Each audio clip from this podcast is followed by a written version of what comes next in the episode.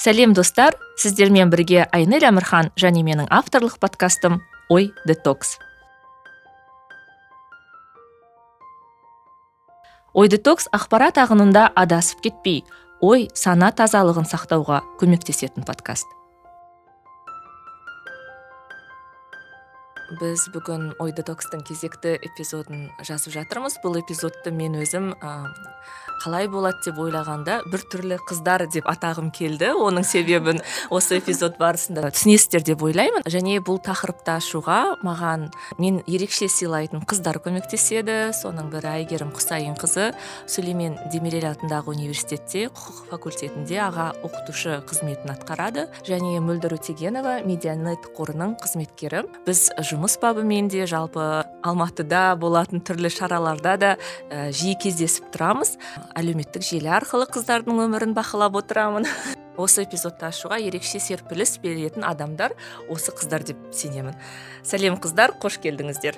Сәлеметсіз бе айнель ханым? Сәлем айнель. Тақырып біртүрлі қыздар. Бұл сөзді мен өзім шын мәнінде өте жиі естимін. Үйде де түзде де. Себебі қазақи ортада туып өскеннен кейін өздеріңіз білесіздер менің ата анам да кейде айтады туа айнель осы сен қызық қызық нәрселерді айтасың дейді да. Салт дәстүрге келгенде жаңағы тәрбиеге келгенде ұлттық құндылықтарға келгенде. Сіздер де осы сөздерді жиі естисіздер деп ойлаймын.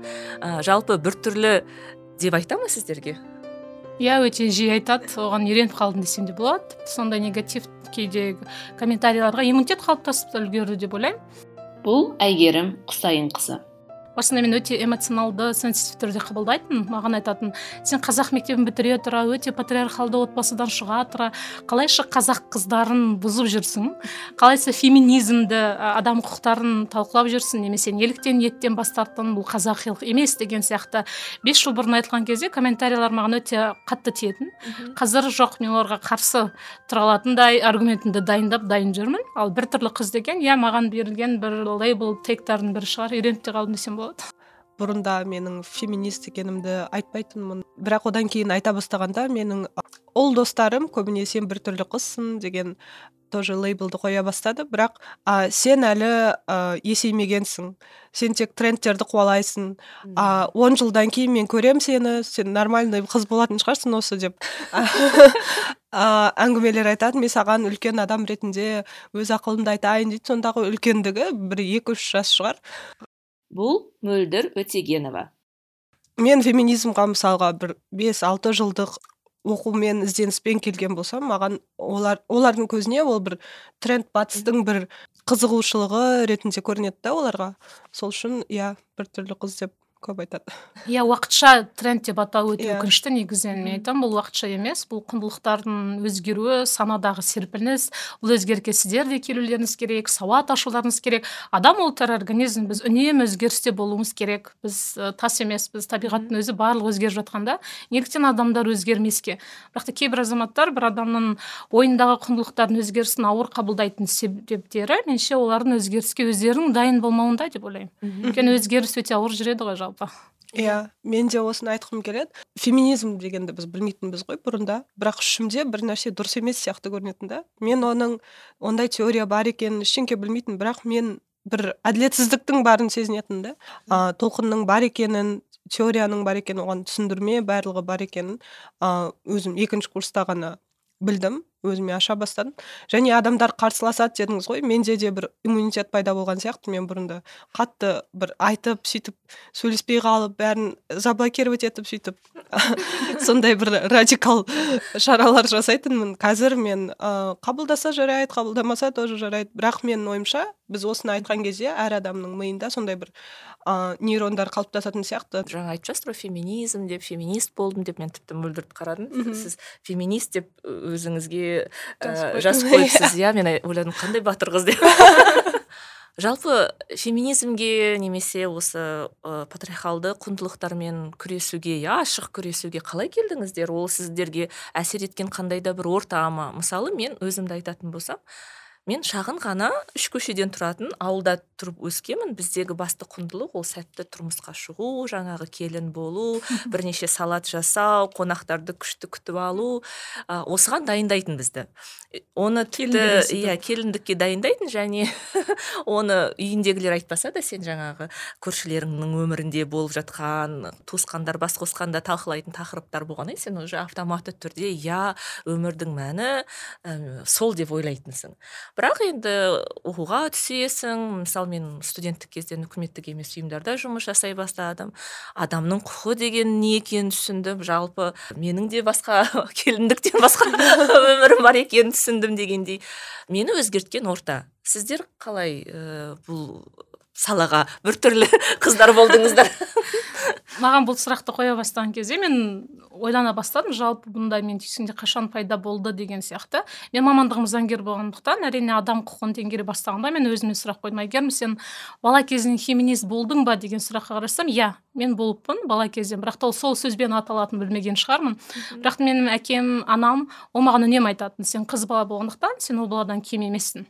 Сенде барлық мүмкіндік бар сен әлемді басқара аласың сенде сондай потенциал бар деп үнемі айтып отыратын. Сондай мысалдардың бірі өткенде есіме түсті. Мен негізі бесінші сыныптан бастап күнделік жазамын. Сол күнделіктің бірінде жазып қойыппын. Мен бірінші сыныптан сегізінші сыныпқа дейін шашым қысқа болатын. Боп каре бір күні шашымды өсіргім келді анама келдім да айттым мама мен шашымды өсірейінші неге? Үнемі қысқа шашпен жүремін жалығып кеттім деген кезде анамның айтқаны қазір жиырма бірінші ғасыр сен қыз баласың шашқа көп уақыт құртпай ақ қой ол уақытты оқуға білімге құрт деді де маған үлгі ретінде сол кезде маргарет тэтчерді кандализа райсты айтқан болатын. Сол кездегі менің роль модельдерім мен сол кезде бүкіл әлем саясаткерлерінің әйелдерінің шаш үлгілеріне қарай бастадым. Шынымен лидер әйелдердің шашы қысқа екен. Демек мен де шашымды өсірмей қояйын ол да бір тренд деген сияқты. Сол кезден бастап менде феминизмнің алғашқы дәнектерін менің анам мен әкем еккен екен. Мен сол үшін оларға алғысымды білдіремін. Қазір кейде пікірімізде қайшылықтар болса да. Бірақ сол кезде феминизмді мен ешқашан қыздар кем емес деген түсінік менде үнемі болатын. Қыздардың құқығын қорғаушы болатын мектепте болсын барлық жерде және дәлелдеуге тырысатын. Мен ұлдардан кем емеспін қыз болсам да деген. Сол күрес әлі де жалғасып келе жатыр әрине бірақ қазір адам құқығын гендерлік экономиканы теориялық ғылыми әлеуметтік құбылыс ретінде зерттеу келе. Мен түсіндім өкінішке орай барлық қыздар ондай ортада тәрбиеленбегендігін және оны өзгерту керек екенін және соны өмірлік миссиям деп алдым десем болады. Мен болсам мен де мектеп кезінен кішкентай кезімнен бір феминист бол феминисткамын деп ойлаймын да. Мен адам наоборот айтатын алтын басты әйелден бақа басты еркек артық дейді. Мен соған қатты жынданатын. Мен барлық жерде а, алтын белгі қызыл диплом тағы немене жасамасам да менің інім бар менен кейін. А, ол барлық жерде де ешқандай бір күш салмаса да ол менен де күштірек та. Сен бәрібір басқа үйге кетесің сен тұрмысқа шығасың ал бізді асырайтын осы бала бір нәрсе бір нәрсе деген әңгімелерді айтады. Мен жынданатын мектепте де сол ұлдарды оларды үлгі ретінде қоятын. Мен соған протест ретінде ма білмеймін. Сегізінші классымда наоборот шашымды кесіп тастадым. Ұзын шашымды джеки чан сияқты. Маған өсіргім келген иә балалар маған прикол ұстап сөйтіп шашыма резинка тұрмайтын сол резинкамды алып алып ойнап сөйтіп мен ұлдармен төбелесетін сондай бір протест настроение болған ішімде. Екінші курста ғана лейла махмудованың ыыы бір лекциясына келіп түсіп қалдым да школа гражданского образования деген мисктің мектебіне өткен болатын. Сол жерде адам құқықтары деген ә, сөздерді ә, феминизм деген ә, понятиялармен түсіне ә, таныса бастадым. Сол кезде менің айтып жасап жүргенім бір феминизмнің ә, бір белгілері екен ғой деп ә, ары қарай оны ә, зерттеуге тырыстым. Сөйтіп молдияр ағайдың курсына қатыстым. Сөйтіп шынымен де мені орта өзгерткен сияқты. Өйткені достарым да бір сөздерде айта, айта бастағанда немесе бір фильмде әйелдерді көрсете бастағанда рекламада мен уже басқаша қарап қабылдай бастадым да. Көбінесе молдияр ағай әсер еткен сияқты. Осы барлығымыз әсер иә. иә иә. Мен енді өзім жайлы ойласам мен пассивті феминистпін деп ойлаймын да өзімді. Мен ешкіммен ашық ондай пікір таласқа шықпаймын. Тіпті бір ортада адамдар айтып жатса ә, болады ғой енді андай әйелдер осындай болу керек немесе өзіме керек. қатысты бір нәрселерді айтқанда мен ол кісілермен сөз таластырмаймын. Күліп қана отыра беремін. Бірақ ә, кейде ойлаймын да мүмкін бұл кісілер кездескен сайын сол әңгімені айта береді да маған. Айтамын да бір рет пікірімді айтып мүмкін осындай болашақ әңгімелердің легін тоқтату керек пе еді деп те ойлаймын. Сіздер меніңше белсенді феминистсіздер. Ол жағына келгенде ә, сізді мен пассивті деп санамаймын айнұр ханым негізі өзім өзіңіздің ол қазақ қыздарына тән жаңағы импостер синдром, деп ойлаймын. Өзіңіздің жетістігіңізді жоғары деңгейде бағаламау ол патриархалды қоғамның нәтижесі өкінішке орай. Мен сізді өзім белсенді фембикелердің қатарынан көремін. Себебі сіздің жасап жүргеніңіз еңбектеріңіз ол көптеген бізден кейінгі және өзімізбен замандас құрдас қыздардың санасына әсер ете алатын да еңбек бар деп ойлаймын. Және біздің еңбекті құнсыздандыратын ол өкінішке орай қыздар емес. Өйткені біз қыздар барлық ортада бір бірімізді қолдаймыз тілекшіміз. Бізді көбінесе құнсыздандыратын ол біздің қоғам. Тәрбие дәстүрді дінді мәдениетті жалау етіп біздің феминистік көтерген мәселелерімізді жоққа шығарғысы келетін қоғам деп ойлаймын. Және бұл проблема қазақстанға ғана тән емес. Әлемнің көптеген мемлекеттерінде әйелдерге қарсы бірнеше декларациялар қабылданған кезде сол декларацияның преамбуласында айтылып өтеді. Тарихи солай қалыптасқан әйелдер еркектердің патриархал қоғамның құрбаны болып келе жатқандықтан біздің мысалы пекин декларациясы болсын стамбул декларациясы болсын осындай теңсіздікті жоюға арналады дейді. Сол үшін осы жою мақсатында арналған біздің кез келген әрекетіміз аса маңызды құнды деп ойлаймын. Және феминистік белсенділікті қазақстанда негативпен қабылдаудың себебін мен қуанамын. Сөйтіп қабылдайтын азаматтарға демек сіздер күмәнданасыздар демек сіз бізден қорқасыздар деген сияқты әзілмен айтамын. Тем сіздер неліктен кері реакция беріп жатырсыздар? Феминизм не жаманшылық көрдіңіздер біз сіздердің жұмыстарыңызды тартып аламыз ба әлде сіздерден декретке кетуді талап ететінімізге мәселе неде десек олар жауап бере алмайды көп жағдайда. Қыз баланың орнына жаңағы мөлдір ханым сіз айтқан қазақтың мақалдарын әкеліп соя береді. Қыз бастаған көш оңбас қыздың мақсаты кету деген сияқты. Мен айтамын ол кездегі ол қоғамдық әлеуметтік қоғамдану мүлдем басқа болды. Құрылыс қазіргі заманда басқа. Әйел мәселесіне келген кезде тең ә, келіспеушілік меніңше физиологиялық және әлеуметтік ерекшеліктерді ескермеумен байланысты деп ойлаймын. Қыз бала биологиялық анатомиялық тұрғыдан біз ерекшеміз. Біз басқамыз ол түсінікті ғылым дәлелдеп қойған. Бірақ та сол анатомиялық физиологиялық ерекшеліктерді әлеуметтік құқықтық мәселеге келген кезде соны теңестіргісі келеді. Мен көп жағдайда осындай мәселені сауаттандырумен өтемін иә біз биологиямыз әртүрлі сіздер ер адамдар бала дүниеге әкелмейсіздер біз әкелеміз бірақ та құқыққа келген кезде жұмысқа кірген кезде біздің білімімізді потенциалымызды қолданылған кезде бізде тең мүмкіндіктер беру керек. Біз осы үшін кіреміз деген кезде кейбіреу ойланып қалады шынымен. Кейбіреу айтады жоқ иә америкада феминизммен салыстырмай ақ қойшы сен қазақ қызысың. Қазақстандық қоғамда әйел адам үнемі екінші сатыда деген мәселені айтады. Не конституцияның он төртінші бабына сәйкес барлығымыз тең десек иә бірақ дәстүр ғой деген мәселені айтады. Меніңше бұл өте әлсіз аргумент. Демек феминистік белсенділікті негатив қабылдайтын азаматтардың өзіне менің реакциям қуанамын. Себебі олар қазіргі статус квоның өзгеріп жатқанын көріп тұр. Мен де басында өзімді пассив феминисткамын деп ойлайтынмын. Өйткені мен былай бір үлкен зерттеулер жасамаймын өзім бір қандай да бір үлесімді қоспаймын деп ойлайтынмын. Үшін профильда да инстаграмда да ештеңе айтпай ақ қояйын деген сияқты қорқатын. Бірақ жақында ойландым не үшін мен қорқамын? Қоғам мені қабылдамайтын болса жарайды мен ыыы демек қабылдамайтын қоғамды өзгерту керек. Қабылдамайтын қоғам өзгеруім керек. Иә қабылдамайтын қоғамды өзгертуіміз керек. Иә бірақ мен өзіме сондай бір достар тапқаннан кейін феминист достар ұлдар да қыздар да феминист болғандықтан ортамның бәрі қолдайтын адамдар тапқандықтан мен уже қорықпай феминист деген нәрсеге өзгерттім да биомды. Бұрында не жазарымды білмей қорқатынмын. Ыыы сол үшін белсенді феминист каждый феминист белсенді деп ойлаймын. Өйткені бір бір нәрсеге жаны ауырып тұратын адам әрқашанда белсенді болады. Иә. Әйелдерге қарсы әділетсіздікке төзбеу соны ашық айту жариялау талап ету оның барлығы мысалы кейбір азаматтар өзін мен де мынандай қыздарды келістіремін иә әйгерім біз әйел құқығын қорғаймыз біз бірақ феминист емеспіз дейді.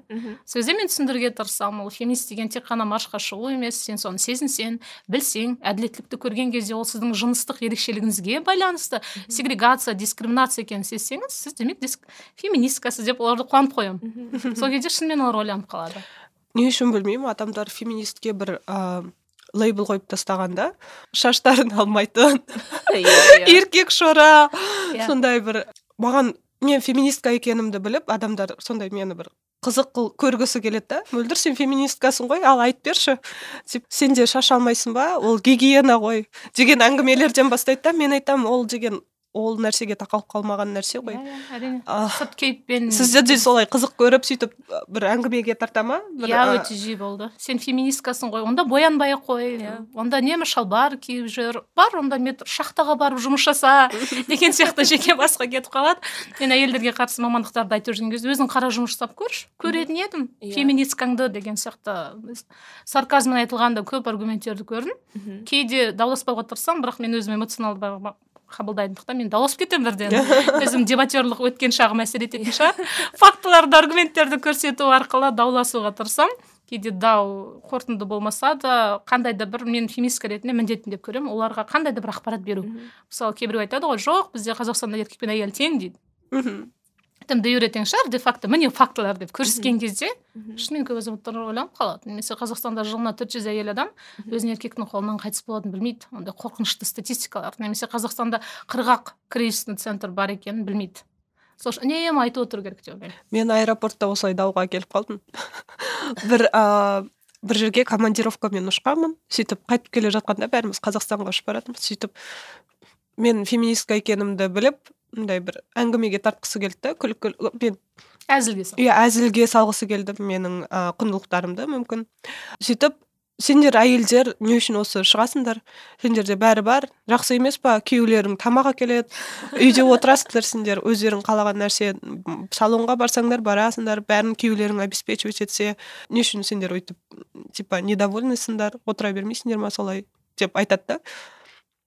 Сөйтіп осы статистикаларды көрсеткенде например жалақысы қаншама адам өліп жатқаны немесе бытовое насилие деген нәрселерді айтқанда жарайды бытовое насилияны көтеріңдер бірақ басқа жерден сендер бәрің ну типа бірдейсіңдер ғой ешкім ешкімді м, дискриминацияламайды дейді сонда мен билікті немесе оқу орнындағы декандар немесе солардың ә, статистикасын айтсам сендер сонда тек қалайтындарың билік деп маған иә иә иә. Сөйтіп айтты да. Қаншама түсіндіргім келсе де ол адам стена сияқты да түсіндірмейді. Сөйтіп артымда очередьте тұрған әйелдердің бәрі келіп жабылып сол ағайға.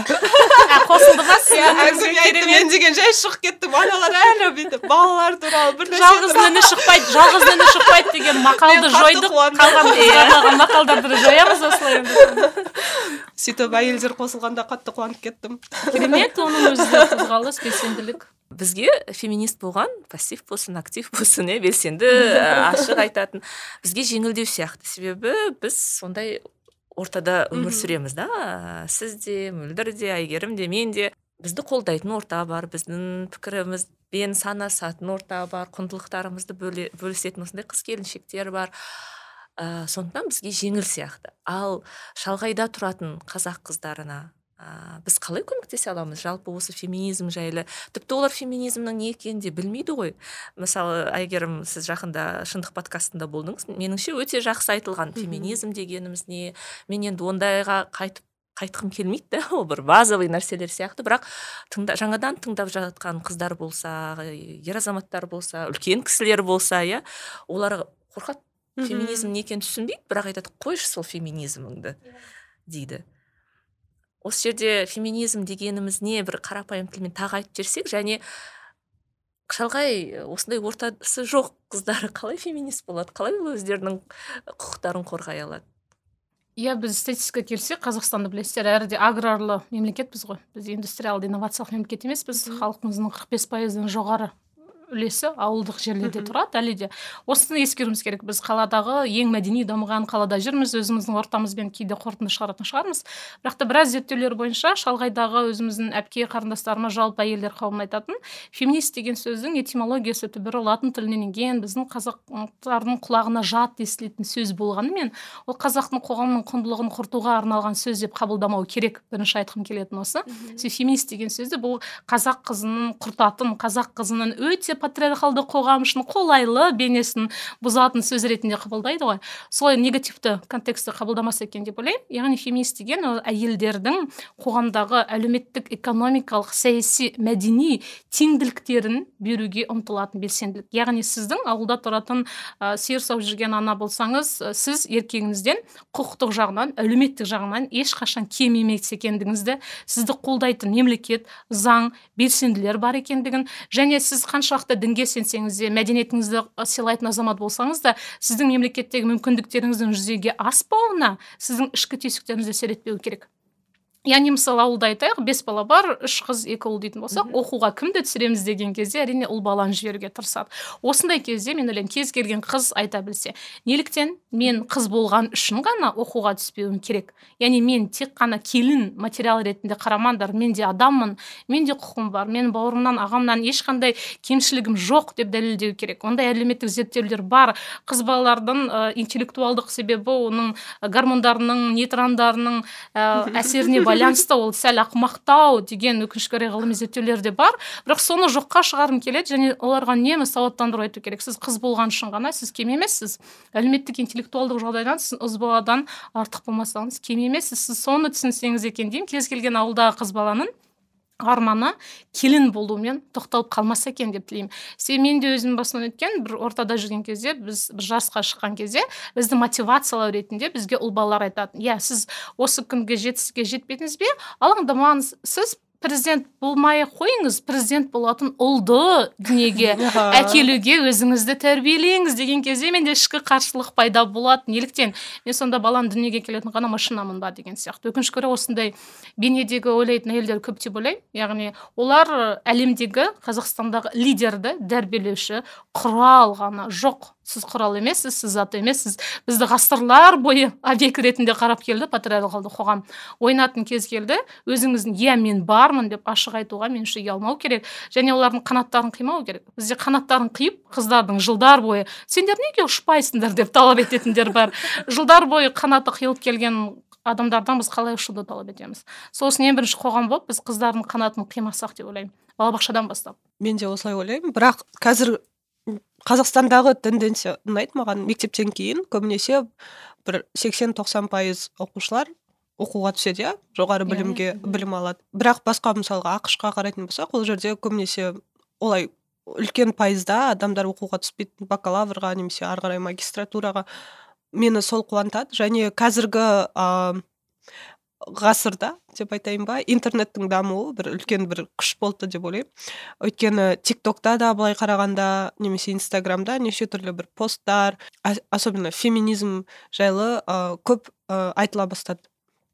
Үнемі айтып отыру керек ақпараттандырып отыру керек деп айтамын. Осы подкаст телеарна мақала бірақ қазақ әндерінде мен негізі байқағаным қазақ тілде көп эстраданың әндері кері саясат жүргізіп жатқан сияқты гендерлік саясатқа кері. Және келінсің анасың екінші бол осыны қабыл ал күйеуіңе қарсы шықпа деген контексттер өте жиі кездеседі. Мен сол кезде шынымен мұңайып қаламын әрине ол композиторлар ақындардың ғана проблемасы емес ол өте институционалды проблема. Сол үшін үнемі айтып отыру керек та. Және қыз бала деген кезде томиристің бейнесін ғана айтады. Меніңше томиристке лайық қазіргі қоғамда батыр қыздар бізде өте көп. Ғалым қыздар батыр қыздар әлемді өзгертіп жүрген қыздар.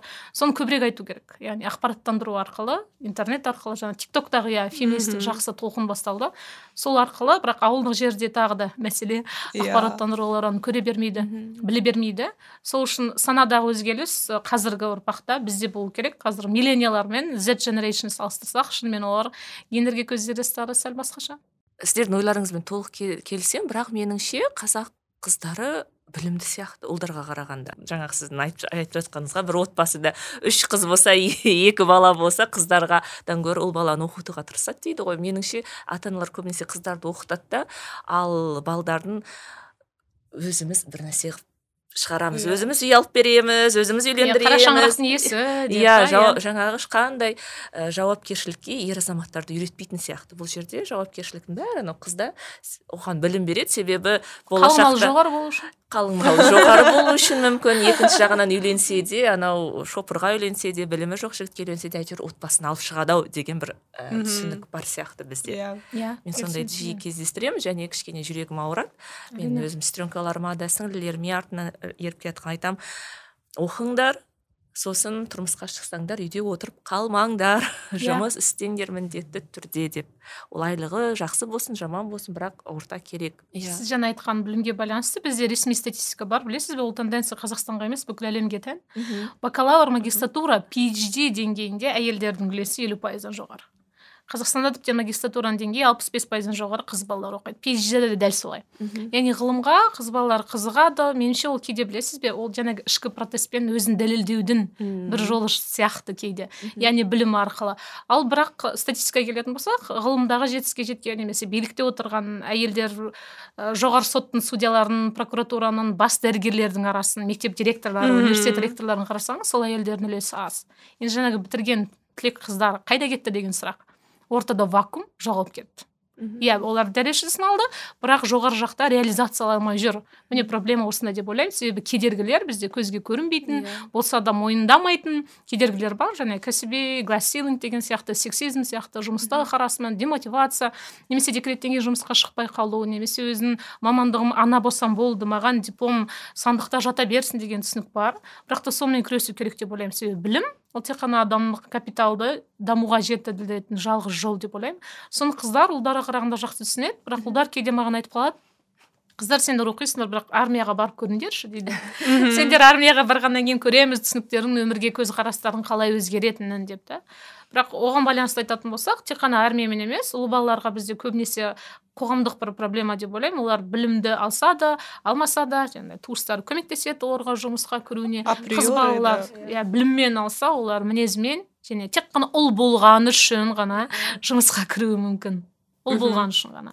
Қабілеттерінсіз иә сосын ә, бағана мұғал- мұғалімдер үлесі туралы айтқанда көбінесе мұғалім дегенде бізде образ әйел. Бірақ декан бір ректор болғанда барлығы еркектер мен сонда ана еркектер әйелдер үлесі например қалай есептеледі? Және не үшін еркек болғаның үшін сен лидер ретінде көрінесің? Ал әйелдер әйел бастаған көш оңбайды немесе әйел деген қисық қабырға ғана ол. Сосын армияға келетін болсақ ә, біз айтамыз ғой феминизм а еркектер айтып жатады типа неге әйелдер онда барып ә, служить етпейді деп. Ал феминизм сол армияға еркектердің баруына да қарсы да. Еркектерге таңылған тоже стереотиптермен де күреседі сол үшін. Осыны да атап өту керек та. Жаңа ғалымдарға байланысты мөлдірхан айтып қалдыңыз ғой. Жалпы мен қазір phd диссертациям соған байланысты. Профессионалды гендерлік сегрегация ғылым саласында. Америкада мынандай эксперимент болған ә, бастауыш мектептегі оқушыларға келіп айтқан екен ғалымның суретін салыңыздар деп. Тоқсан жеті пайыз бала еркек адамның суретін салған. Яғни насадағы астронавт ғалым вирусолог барлығы ер азаматтар. Бұндай эксперимент қазақстанда жасасақ та меніңше де таңғалмаймын нәтижесі Иә. осылай шығатынына. Ғалымның суретін салыңыздар десең әрине еркек азаматтың суретін салу мүмкін. Бірақ гендерлік дегрегация ә, сегрегацияға келетін болсақ ә, әйел азаматтар бар үлесі бар. Бірақ мәселе солардың көрінбеуінде еленбеуінде. Немесе олардың әйел болған үшін ғана оның ғылыми дәрежелеріне. Мысалы нобель сыйлығында да ол өте үлкен проблема. Білесіздер нобель сыйлығын алған әйелдердің үлесі аз. Бірақ та қазір бұнымен жақсы күрес басталды деп ойлаймын. Ғылымдардағы әйелдің күресуі қазіргі соңғы бес жылда тенденция қуантарлықтай. Мхм енді әйелдің тауқыметі көп қой. Әрине. Ә, ол ә, үйде ә, түзде жұмыс істейді үйге келіп тағы жұмыс істейді өздеріңіз төленбейтін ақы төленбейтін иә иә, жұмыс.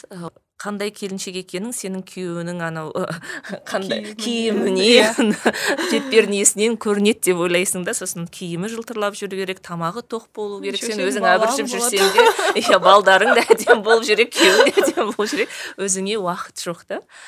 Зорлық зомбылық деп айтқанда әдетте физикалық зорлық зомбылық алады. Ғой бұл қаржылай да экономикалық Экономикалық жатады, зор- әрине. зорлыққа жатады біз ол жайлы айта бермейміз. Мысалы қыздар үйде отырса жаңағы ата енесіне немесе ата анасынан жолдасына тәуелді болса ол қандай да бір деңгейде оның көңіл күйіне жалпы өзін адам ретінде қабылдауына кері әсер ететінін көбісі түсіне бермейді да қаржылық тәуелсіздік мәселесі иә, өте маңызды деп ойлаймын. Біз жаңа гендерлік зорлық зомбылықты айтқан кезде бізде үш зомбылықпен шектеліп қала береді қазақстанда. Ол жаңағы физикалық ұрып соғу психологиялық және сексуалды сипаттағы.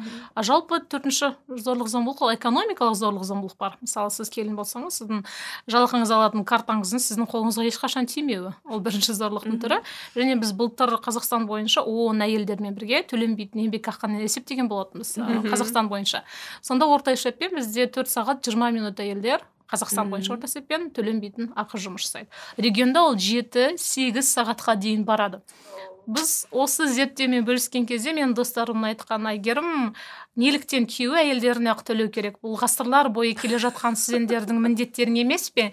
Енді күйеулеріңіздің нәскилерін жуған үшін ақы сұрай бастадыңдар ма деген? Менің досым осындай тікелей сұрақ қойған кезде өзі экономист. Мен экономикалық тұрғыдан түсіндіруге тырыстым. Ол сонау адам смиттан келе жатқан қателік макроэкономикалық қателік экономистер оны көрмейді. Содан біздің жалпы ішкі өнім кері кетіп жатыр. Яғни әйелдерге ол ақыны төлесе мемлекет қазір кейбір мемлекеттер осыны қарап жатыр швеция. Ол кезде барлығы ұтады біз де ұтамыз әйелдер отбасының бюджеті десек бірақ та оны бізге қазір жиі айту керек деп ойлаймын. Себебі көбісі жаңағыдай қарсылық айтады. Сен келін болған үшін сол қызметің үшін неліктен сен ақы талап етесің? Дейді төлену керек. Сіз сегіз сағаттық жұмыстан келесіз және екінші смена төрт сағат тегін жұмыс жасайсыз. Неліктен? Мен он тоғызыншы ғасырдағы адам смиттің қателігі үшін неліктен мен әлі күнге дейін құрбан болуым керек. Менің әжем анам құрбан болды. Мен адам анам сегіз сағат жұмыстан келетін төрт сағат қызмет ететін. Сол кезде мен балалықпен түсінбейтін едім. Анам шаршап жатқан кезде мен ренжитінмін. Неліктен шаршайсың деген кезде қазір түсінемін өзім жұмыстан келген кезде. Қалайша екі сменада жүріп және күліп сол он екі сағаттық жұмысын керемет жасаған үшін менің анам сияқты миллиондаған аналар бар қазақстанда. Меніңше осы проблемамен күресу керек көтеру керек ол төленбейтін ақыға көз жұму болмайды. Ол төлену қажет. Сосын мынандай да бір жағдайлар болады. Егер әйелі бала қарайды үйінде отырады декретте. Ал еркек болса таңертең жұмысқа кетіп кешке келеді да и как будто ана әйел үйде ештеңке жасамай жай жатқан сияқты көрінеді. И иә, иә. настроениесі жоқ болса да ана еркектің еще настроениесін көтеру керек. Телевизордың алдында ps ойнап жатады сіз асханада жүресіз. Иә ә, сонда үйде отырғанда как будто бір ештеңке жасамайтын сияқты болып көрінеді да. Ал оның ішінде қаншама жұмыс бар екенін оны түсінбейді. Және ә, бөлу туралы да ә, мен айтамын да егер төлей алмайтын болса жұмысты бірге бөліп жасау керек деймін сонда айтады қазір бәрі автоматизированный посудомоечный машина бар немесе автомат машина ана кір жуатын бұрынғыдай сендер қиналмайсыңдар андай мындай біздің әжелеріміз сияқты ба иә әңгіме айтады да мен сонда айтамын оған салып оны алып жаюдың өзі де бір жұмыс қой. Егер бөліп немесе бір эмпатия болған кезде бәрі басқаша болушы еді. Например менің анам немесе басқа бір әйелдер менің подругаларым ол менің борышым мен жасау керекпін деп қабылдайды да. Он ол да бір проблема деп ойлаймын. Он оған түсіндірудің де өзі бір қиын сол сияқты қиындау болды бізге осы зерттеуден жүргізгенімізді байқағанмын ол міндет деп қабылдайды. Тіпті сізге мысалы айтса білесіз бе мемлекет сізге ақы төлесе? Ойлаңызшы төрт сағаттық ақылы жұмыс үшін сағатына бес мың теңгеден сіз жиырма мың күніне алып отырсаңыз десе ол айтуы мүмкін жоқ қажет емес. Маған қалың мал төлеп қойды ғой менің міндетім ғой. Деп айтуы мүмкін. Сол үшін осындай көзқарастарды біз үнемі өзгертуге тырысуымыз керек. Ол өткен ғасырдың еншісінде қалған дүние. Және оны жаңағындай түсіндірсеңіз сіз ақша төлегеннен сіз ғана емес мемлекеттің жалпы бюджетіне әсер етеді десеңіз қыздар жалпы альтруистпіз ғой. Жарайды маған тиімді болмаса да мемлекет үшін тиімді болса деп пікірлерін Иә. өзгертуі мүмкін. Тіпті мынау қазір пандемия кезінде көбіміз үйден жұмыс істеп жатырмыз ғой. Соны ойлаймын да қанша сен өзіңді феминистпін көзі ашық құқығымды білемін дегеннің өзінде үйде отырғанда ә, жұмыс істейсің сосын ойлайсың қой үйді жинап қояйын түскі асты дайындайын ол бір сенің міндетің сияқты да. Үйде сенімен бірге отырған ер кісі оны мазаламау керек ол жұмыс істеп жатыр. Иә. мысалы обед он екіде сен барып жүгіріп асханаға барып өзің обед дайындай бастайсың. Ол бір сенің бойыңа сіңіп кеткен нәрсе да. Екінші жағынан ойлаймын да мен де үйде жұмыс істеп жатырмын неге мен? Иә. Қазір түскі асты ойлауым керек деп мысалы шы Бізге осындай да- бала кезден оны ойымызға сіңірді ғой айнель ханым жаңағы сенің табиғатың иә қолайлы болу ер азаматқа қызметші болу. Осыған байланысты тағы бір зерттеу бар. Apple компаниясы ең алғаш сириді қолданған кезде сириді білесіздер әйел азаматтың дауысымен шықты Иә. бірінші мәрте. Орысша версиясы да алиса да неге алексей емес? Ол сол кезде айтишниктардың жалпы көзқарасын көрсетіп қалды да қызмет сферасы ол әйелдердікі әйелдер бізге қызмет ету керек деген сондай сексистік көзқарас болды. Олар ер азаматтың дауысын кейін қосты. Мм. сириге алисаға әлі қосқан жоқ. Демек осындай бейсаналық тұрғыдан біздің айтишниктер болсын саясаткерлер болсын қызмет көрсету саласы ол әйелдердікі деп есептеген соң мемлекеттік деңгейде үйге келіп сіздің отбасы жағдайындағы ошақ қасындағы жұмыстарға ақы төлеуді олар тіптен абсурд санайды. Олар утопия деп ойлайды. Пандемия кезіндегі мысалға әйелдердің жұмысы қиын болды деп ойлаймын. Олар жұмыс жасайды еще үйінде балалар болса олар мешать етеді. Компьютер ә, компьютермен жұмыс жасау қиын. Олар кухняда отырып бір жағынан тамақ істеп отырып Иә. сабақ беріп отырады. Иә а, сондай бір ә, неге қиыншылықтарға алып келді да? Пандемияның өзінде де. Және ұрысу басталды. Еще бізде айтады ғой ә, ажырасу м, рейтингі жоғарылап кетті деп. және бала туудан рекорд қойдық. Иә. Парадокс. Екі мың жиырмасыншы жылы Иә. бала туудан демографиялық рекорд және ажырасудан. Бірақ мен бір жағынан ажырасудан осындай бір әйелдердің бір күштері болғанына қуанамын. Егер мысалға оған ә, отношение ұнамайтын болса бір айта алатындай жағдайға келгенімізге қуанамын да. Өйткені біз егер шыдап ары қарай жүре беріп ажырасудың рейтингін төмендету үшін шыдап жүретін болсақ ол да бір проблема болушы еді деп ойлаймын. Әрине иә. Шыда деген сөз Иә. төз э, бізде бүкіл қоғамда айтады ғой толерантты болуымыз керек дейді. Бірақ дәл тұрмыстық зомбылыққа сексистік көзқарасқа келгенде бізде нөлдік толеранттылық болу керек деп ойлаймын. Ол біз барлық қыздарға иә төзбе ертең ажырасып кет деген сөз емес. Өзіңнің құқығыңды біл өзіңнің менің болсын иә. Қазіргі бүкіл ағылшындық әдебиетте солай ғой построй свое я деген ұғым бар. Сондай мен ойлаймын кез келген қазақстандық әйел азаматта болса менмін менің дауысым бар менің дауысым маңызды мен жоқ деп айта аламын. Яғни менің дауысым елену керек. Мен неліктен үнсіз көрінбейтін болып қала беруім керек. Деген санада бір дәнек ексек ол өте үлкен жетістікке әкеледі деп ойлаймын. Жалпы тұрмыстық зомбылық қазақстанда өте үлкен тақырып деп ойлаймын. Былтырдан бері бізде көп айтылып жүр. Ә, пандемия ә, біздің ғасырлар бойы келе жатқан бірнеше мыңдаған ғалымдар мен феминистердің жол жұмысын жоққа шығарды десем болады. Жоққа шығарғанда құлдырап кетті статистика. Жалпы адам құқығына біз қайта қарауымыз керек болды. Әлем бойынша пайызы артып кетті тұрмыстық зомбылық Мгм. әрине сіз бір бөлмеде бір үйде 24 сағат бойы қамалып қалған кезде тұрмыстық зорлық көнбейді қазақстанға келетін болсақ бізде бұл жағдайда регресс бар деп айта аламын. Өзім білесіздер тұрмыстық зорлық зомбылық бізде декриминализацияланды. Яғни бұрын қылмыстық кодексте болса қазір әкімшілік құқық бұзушылық кодексте жетпіс үшінші бап бойынша отбасылық отбасылық қарым қатынас саласындағы құқыққа қайшы әрекеттер деп аталады. Ол бірінші і, жазасы ескерту. Немесе бес күнге дейін қамау. Осы санкцияның өзі менің қатты жүрегімді ауыртады. Яғни ескертумен шектеліп қалады бізде көп жағдайда. Немесе участковый полицейлардың өзі а күйеу мен әйелсіңдер ғой ертең достасып аласыңдар деп кетіп қалатын жағдайлар бізде көп болады зерттеу көрсеткендей яғни сенің сүйгенің ғой бірге қосылдың ғой төз енді ұялмайсың ба? Ә, заявление жазуға қал деген полицейлардың көзқарасы жалпы біздің қыздарға да демотивация береді. Бізде де сол виктим блейминг қатты не жоғары деңгейде деп ойлаймын. Өйткені сен өзің ол адамды таңдадың білу керек едің көру керек едің. Бірақ адам тұрмысқа шығатын кезде білмейді ғой например ол ішеді ма немесе зорлық жасайды ма. Ол жақсы бір оймен шығады. Ал көп адамдар өзі таңдады енді өмір сүрсін өзі деген сияқты бір отно- отношениесі бар да. Үйленген адамдардың ортасына бір есі кеткен түседі бір Иә, нәрсе деген нәрселерге мақал алып ма келеді қайтадан тоқтататын мақал ма Иә. тежегіш болатын бізге. Иә бұл статистикаға келетін болсақ зорлыққа байланысты ООНның зерттеуіне сәйкес үштен бір әйел жалпы 18 бен 75 жас аралығындағы өмірінде бір мәрте тұрмыстық зорлық зомбылықтың құрбаны болып көрген екен.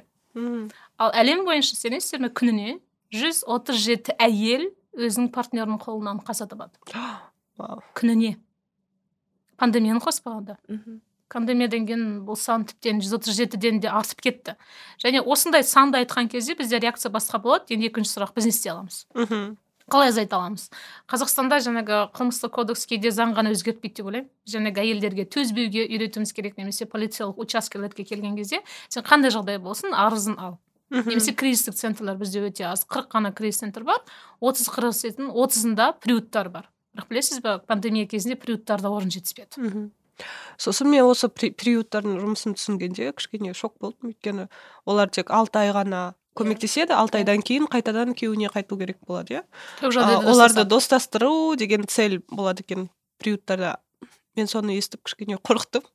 Өйткені бір спасение тапқандай боласың да бірақ ол бір кішкене уақытқа қайтадан бәрібір қайтып келесің. Қайтадан сол өмірге. Ондай жағдай бар бізде. Және тек қана ондай приюттар емес жаңағы отбасы араша түсетіндер достаса сал бір ашуыңды маған бер екінші мәрте қол көтермейді деген жағдай бізде өте көп болады да рецидив кейстер. Ол өте бір үлкен зерттеуді талап ететін тақырып деп айтайын қазақстанда себебі бізде бұндай тұрмыстық зорлық зомбылыққа байланысты да статистика айта аламын. Ашық емес. Жасқа байланысты регионға байланысты толық ақпарат сіз таба алмайсыз. Ақпараттың жоқтығы да ол адам құқығына қайшы. Бізге ол ақпарат қолжетімді болу керек. Біз білуіміз керек мысалы күніне алматыда қанша әйел тұрмыстық зорлық көрді қаншауы арыз жазды қаншауын үйіне достасуға қайтарып жіберді қаншауы күніне өлді. Осыны біліп отырсақ біз жақсырақ күресетін едіміз. Сосын бір ә, европадан андай ә, эксперимент жасапты да. Зорлық зомбылықтан қайтыс болған әйелдердің ә, мекен жайын біліп сол үйге барып ә, барабанның оркестрлерін шақырып сөйтіп ойын ойнаған бүйтіп шулаған түнде сөйтіп көршілердің бәрі есігі қа- есік қағып типа шуламаңдар түн болды андай мындай а бірақ сол күйеуі әйелін ұрып сөйтіп шулап жатқанда ешкім келмеген. Ситуацияны көрсететін бір зерттеу сияқты болды да. Егер әйел мен күйеуін ұрып жатса ол елді қалыпты жағдай. Иә ал ел, елге бәрібір да ал егер біреу шулап барабанмен ойнап сөйтіп жатса бір проблема болып көрінеді да. Не үшін адамдар көмектеспейді? Мысалға мен де біреу ұрсып жатса мен қалай жасар едім деген ойға кетіп қалдым да. Мен қосылсам не болады деген иә әрине қауіпсіздік мәселесі Иә. бірінші орынға келеді ғой. Үлкен кісілерді қорқытатын нәрсе ол жастардың ажырасуы. Иә. Ажырасып кетеді деп айтады. А, неге біз ажырасудан қорқамыз? Және қоғамда осындай ажырасулар көбейсе оның біздің қоғам ретінде деградацияға ұшырағанымыздың белгісі ма? Бұл біздің ұлт ретінде болашақта қандай да бір м, болашағымызға қауіп төндіретін тенденция ма? Қалай ойлайсыздар? Мысалы меніңше өз басым мен ойлаймын ажырасқаннан қорықпау керек. Ешкім ә, ажырасам деп үйленбейді ғой шын мәнінде. Бәрі енді бақытты болып үйленгісі келеді ұзақ өмір бірге сүргісі келеді.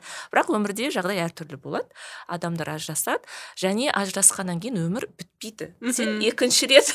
Ұл да қыз да. Иә. отбасы құруға әбден мүмкіндігің бар. Неге біз ажырасудан қорқамыз? Жалпы ол ажырасу институтына қоғамның біздің биліктің көзқарасы қандай? Тіптен 2006 жылы президент жанында ашылған әйелдер ісі және отбасы гендерлік саясат жөніндегі ұлттық комиссия бар білесіздер. Сол комиссия жайлы мен ең алғаш тоғызыншы сыныпта оқып жүрген кезде егемен қазақстан газетінен оқыған едім.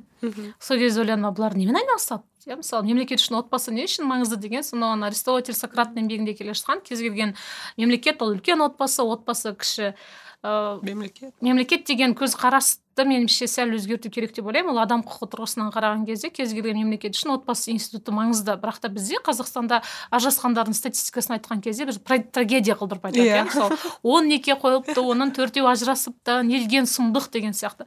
Бұл жерде біз отбасы институттарына оларға адам ретінде емес отбасының мүшесі біздің субъект ретінде емес тек қана бір отбасының бір ячейкасы қоғам ол мемлекетті дамытуға қажет. Яғни қызмет ететін объект ретінде қараймыз. Олардың адами құндылықтарын құқығын таптаймыз деп ойлаймын. Үшін мәселе осында сияқты. Және маған ұнамайтыны және көптеген аға буындар салыстырады иә. Қараңыздаршы сауд арабиясында ажырасу мүлдем жоқ.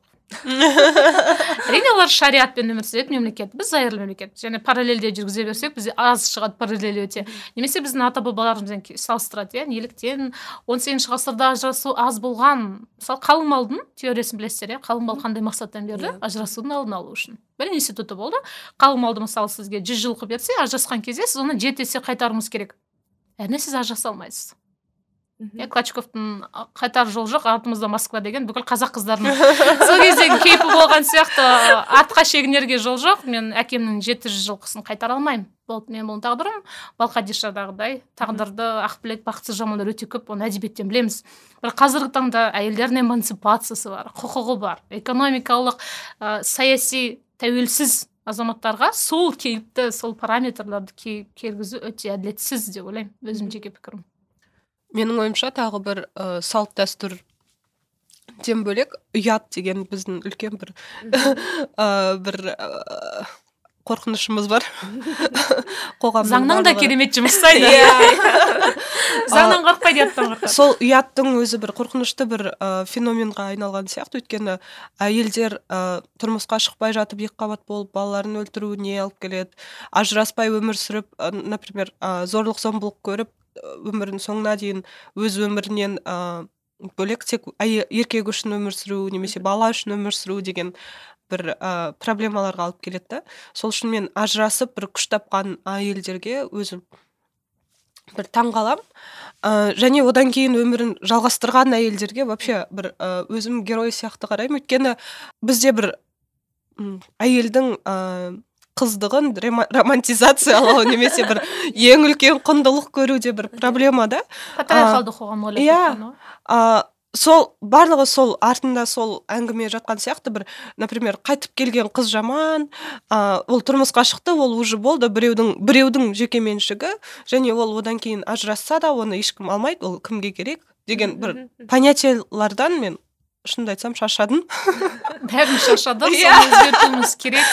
Иә заңгерлердің арасында бір үш тақырып бар. Осы үш тақырып дейді ешқашан әлем бойынша біз жүз пайыз консенсусқа келмейміз.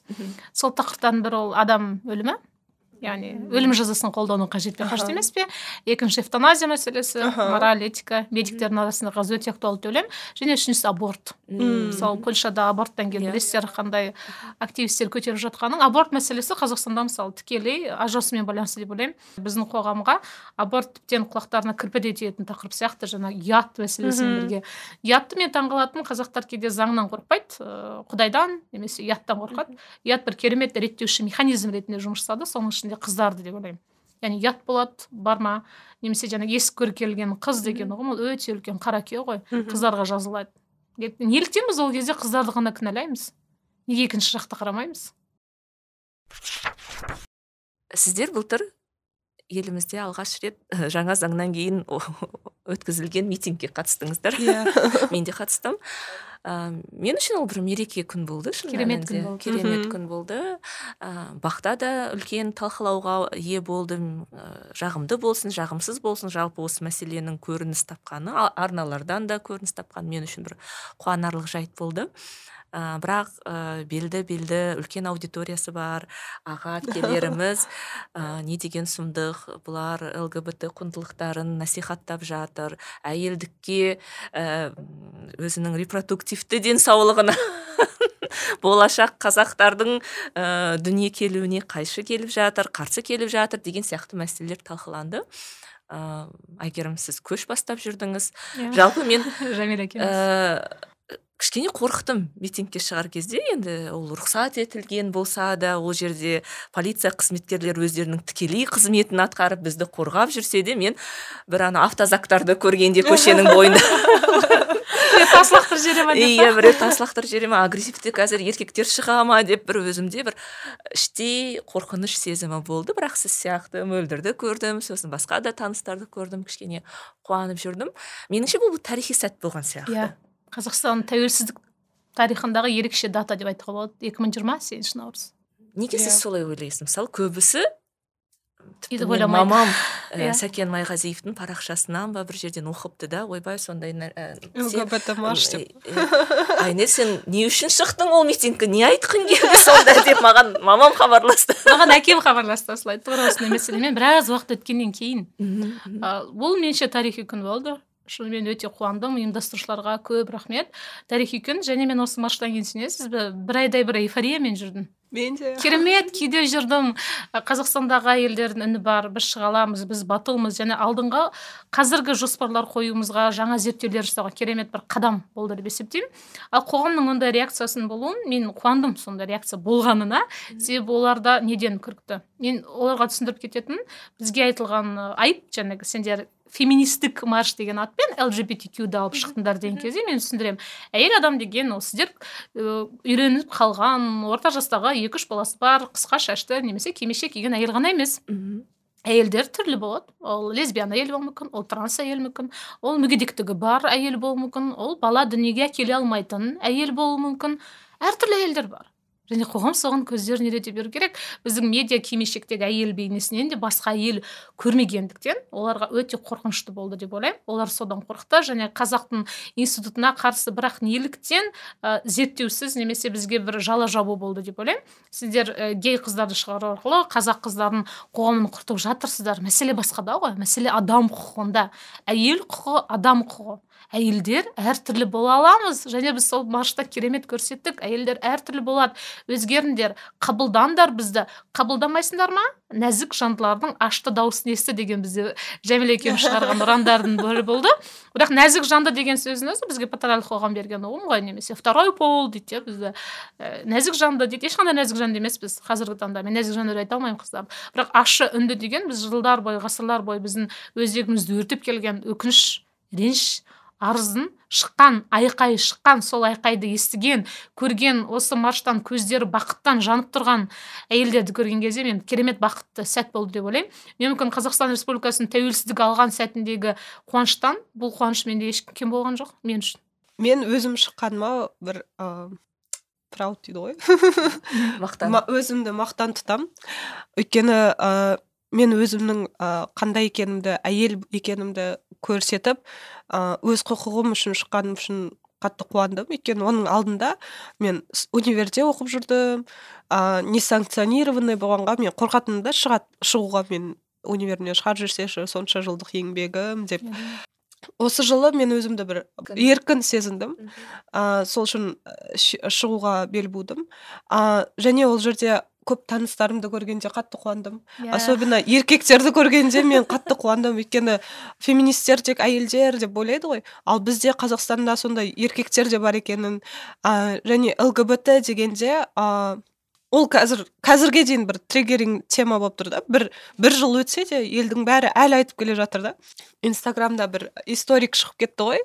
Бұрында қазақ жерінде лгбтq деген адамдар болмаған. Ол западтың айтқанымен келген. Көп ондайлар иә.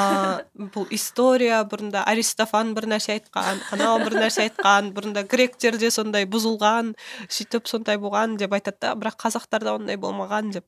Ол бірақ ә, лгбтq комьюнити барлық елде бар екенін ә, және олар тек жасырын өмір сүретінін өздерін айта алмайтынын ол да бір проблема да. Бірақ қазақстанда осы көтеріле бастағанына мен қуанамын. Және осы феминист маршында қатысып жатқан жоқ адамдар да былай суретке түсіріп бізбен бірге ұрандатып өлең айтып тек балкондарынан шығып, иә, сөйтіп қуанышты болғандықтан менің бүкіл ә, туған күн жаңа жыл барлық бір ә, праздниктер менде өшіріліп қалған сияқты болды да. Дәл сондай де. иә мен қазір тек сегізінші мартта сол маршқа шығу үшін бір ә, бір күтетін сияқтымын да бір. А сол күні мен туысқандарымның туған күні болған. Ә, мен туған күнге шақырып бәрі звондап сөйтіп жатты да мен жауап бермей сөйтіп марштан кейін барғанда мөлдір сен осы қуасың сені алып кетсе не істейсің? Осы бір какой то бір ә, неше түрлі әй- әйелдердің арасында не істеп жүрсің?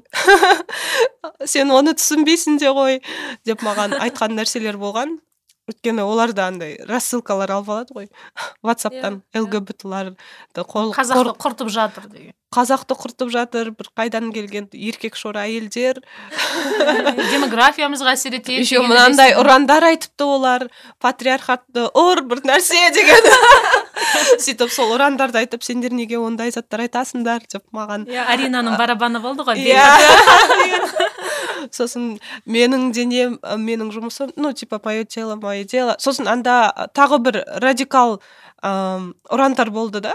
Радикал дегенде бір ә, басқа адамдар үшін бір Қиын мүмкін қиын қабылдау ұрандар болған шығар. Соны айтып маған сендер дұрыс емес жарайды.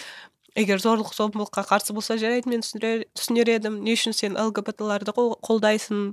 Деген ә, көп сұрақтар болған. Сол сұрақтарды сұраудың өзі ә, адамдардың бір ойына алып келгеніне мен қуаныштымын. Иә. Адам құқығы әйел құқығы және олардың да құқығы бар екен. Әйелдер түрліше бола алатынымызды Мгм. көрсетуге тырыстық және көрсеттік деп ойлаймын. Ұрандарды біз елу де елу қазақша орысша жасауға тырыстық. Керемет ұрандар болды. Сан жағынан және біз және ә, ханым сіз айтқанда біз көштің басына келе жатқан кезде жәмила екеуміз мен керемет сезімде болдым. Фариза арина бәрі орта Иә. жолдан билеп сол кезде мен біздің артымызда өзім болжауым бойынша ойлағанмын бір екі жүз үш жүз адам болатын шығар деп. Кейін алаңға келген кезде ана топтың тоқтамай жатқанын көрген кезде менде шынымен қуаныштың көз жасы болды қуандым. Ә, қазақстанда қыздар бейжай қарай алмайды. Ә, бұл кейде бір жан айқай болды деп ойлаймын. Бізде де тыңдаңдар біз жалықтық. Және жастар көп болды. Менің студенттерім келді. Өте қатты қуандым. Олар да жаңағы мен оқытушы ретінде ғана емес белсенділігімді көріп адам құқығына байланысты деген көзқарасы өзгеріп тіптен қазақстанға деген оларда бір үміт пайда болған сияқты болды. Маған студенттерім айтты біз соңғы сәтке дейін сен- сенбедік деді. Бұған рұқсат беретініне. Бұл рұқсат беруінің өзі оларға жалпы саясатқа араласуға мемлекетке көзқарастарына әсер етті. Болады екен ғой. Демек шыға алады екенбіз ғой. Қорықпау керек екен ғой деген бір керемет туннельдегі қараңғы туннельдегі жарық Жарық. болды деп ойлаймын. Алдыңғы ұрпаққа да. Және бұл кейінгі болашақта тарих оқулықтарында міндетті түрде жазылу керек дата иә Иә, иә. менің ойымша әр жылы осылай шығып тұру керек. Мен ұл достарым шыққанда мен қатты қуандым. Жұмысымдағы балалар шықты. Бірақ оларға одан кейін тоже ыыы туысқандары барлығы жаза бастапты. Не үшін шығып жүрсің сен гейсің ба? Азаттықтың фильмінен кейін да? Иә ондайда бұл мен оларды оқымадым ол комментарийлердің бәрін блоктай бердім. Менің назарыма тұрамайтын пікірлер деп қабылдадым болды. Яғни немесе айтамын адам құқығы декларацияны оқыңызшы өтініш деймін иә бізде соны түсінбейтін сияқты мысалы ұрандар деп жатсыздар ғой. Кейбірі мен бір оқығанда ма- маған да оғаш болып көрінген ұрандар болды. Бірақ мен енді өзім ешқандай ұран алып шықпағаннан кейін менің де ондай құқым болды өз ұранымды алып шығуға. Бірақ мен алып шықпадым ғой. Екіншіден ойлаймын да бұл менің қуанған себебім мен ол көзқараспен немесе ол ұранмен келіспесем де мен олардың ондай көзқарасқа ондай ұранға құқы бар екенін бөлісуім ә, және соны норма ретінде қабылдауымның өзі үлкен жетістік деп ойлаймын да. Соны тіпті кейін мамама да айтып жатырмын да түсіндіріп сен не істеп жүрсің? дегенде эмоцияға берілмей өйстіп әдемілеп түсіндіріп бергенде мамам а иә ондай да екен ғой деп мысалы келісіп жатыр да. Сосын айтады да черный кассаға бардым подружкаларыма да соны айттым дейді да сенің айтқан сөзің эффект домино әсер иә кейде мен ойлаймын да бізде сондай эмоциясыз бір пікірталас жетіспейді иә. да біз Иә. осындай иә сенің пікірің осындай мен келіспеймін бірақ сен осындай пікірге осындай әрекетке Құқығың бар. екен не осыны түсінсек биыл да бір топ феминистік ұйым келесі жылы 8 наурызда марш пен митингті өткізуге сұраным берген болатын. Алайда алматы әкімдігі рұқсат етілмейді деген жауап жіберді.